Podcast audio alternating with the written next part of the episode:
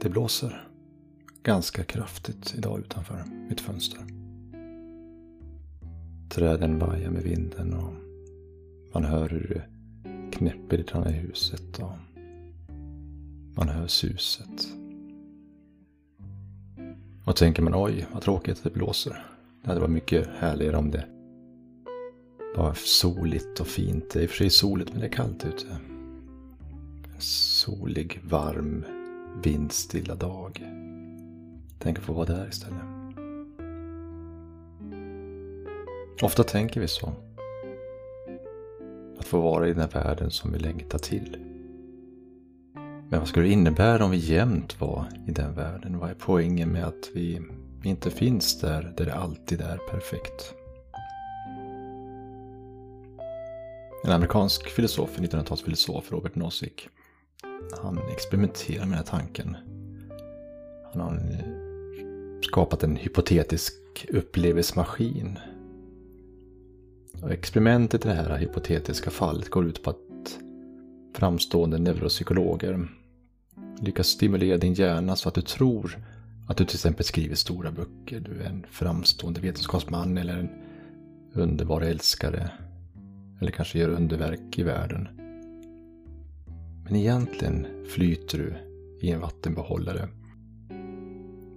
med elektroder fästa vid huvudet. Det är som en dator som matar in dina upplevelser under en tvåårsperiod. Sen går du ur maskinen och väljer ett program eller väljer att gå ur den här maskinen för nästa tvåårsperiod.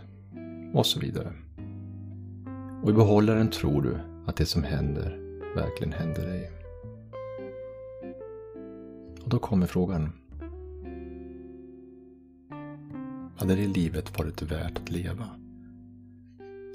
Ett liv där vi möter få motgångar. Stöter inte på särskilt stort motstånd.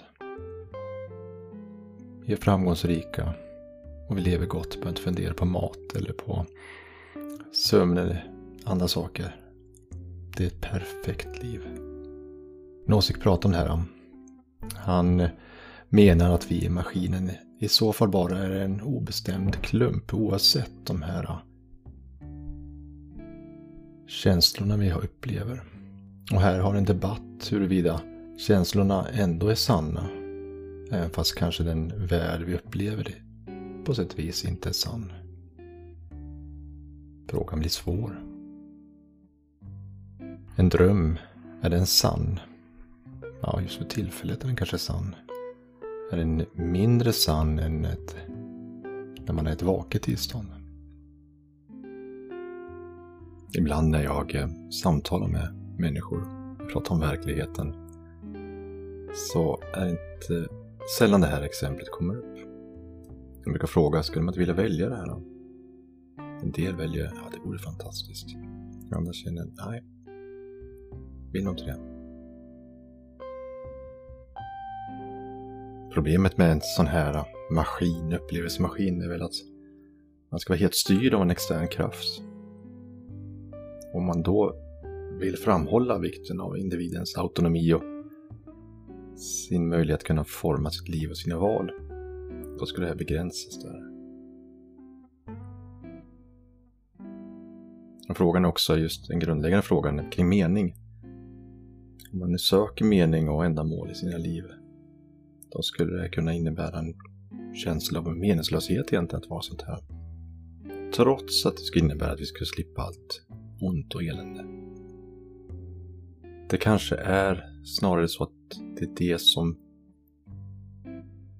på något vis gör och skapar oss människor. Att vi har motstånd, att vi har problem vi måste överkomma och övervinna för att då utvecklas och bli starkare. Inte att allt bara ska gå enkelt. Och kanske är det så enkelt som Bodil Malmsten skrev. Hon skriver Ingenting får hända dig.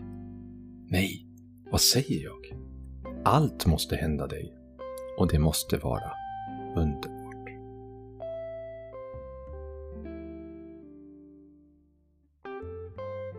Sköt om dig.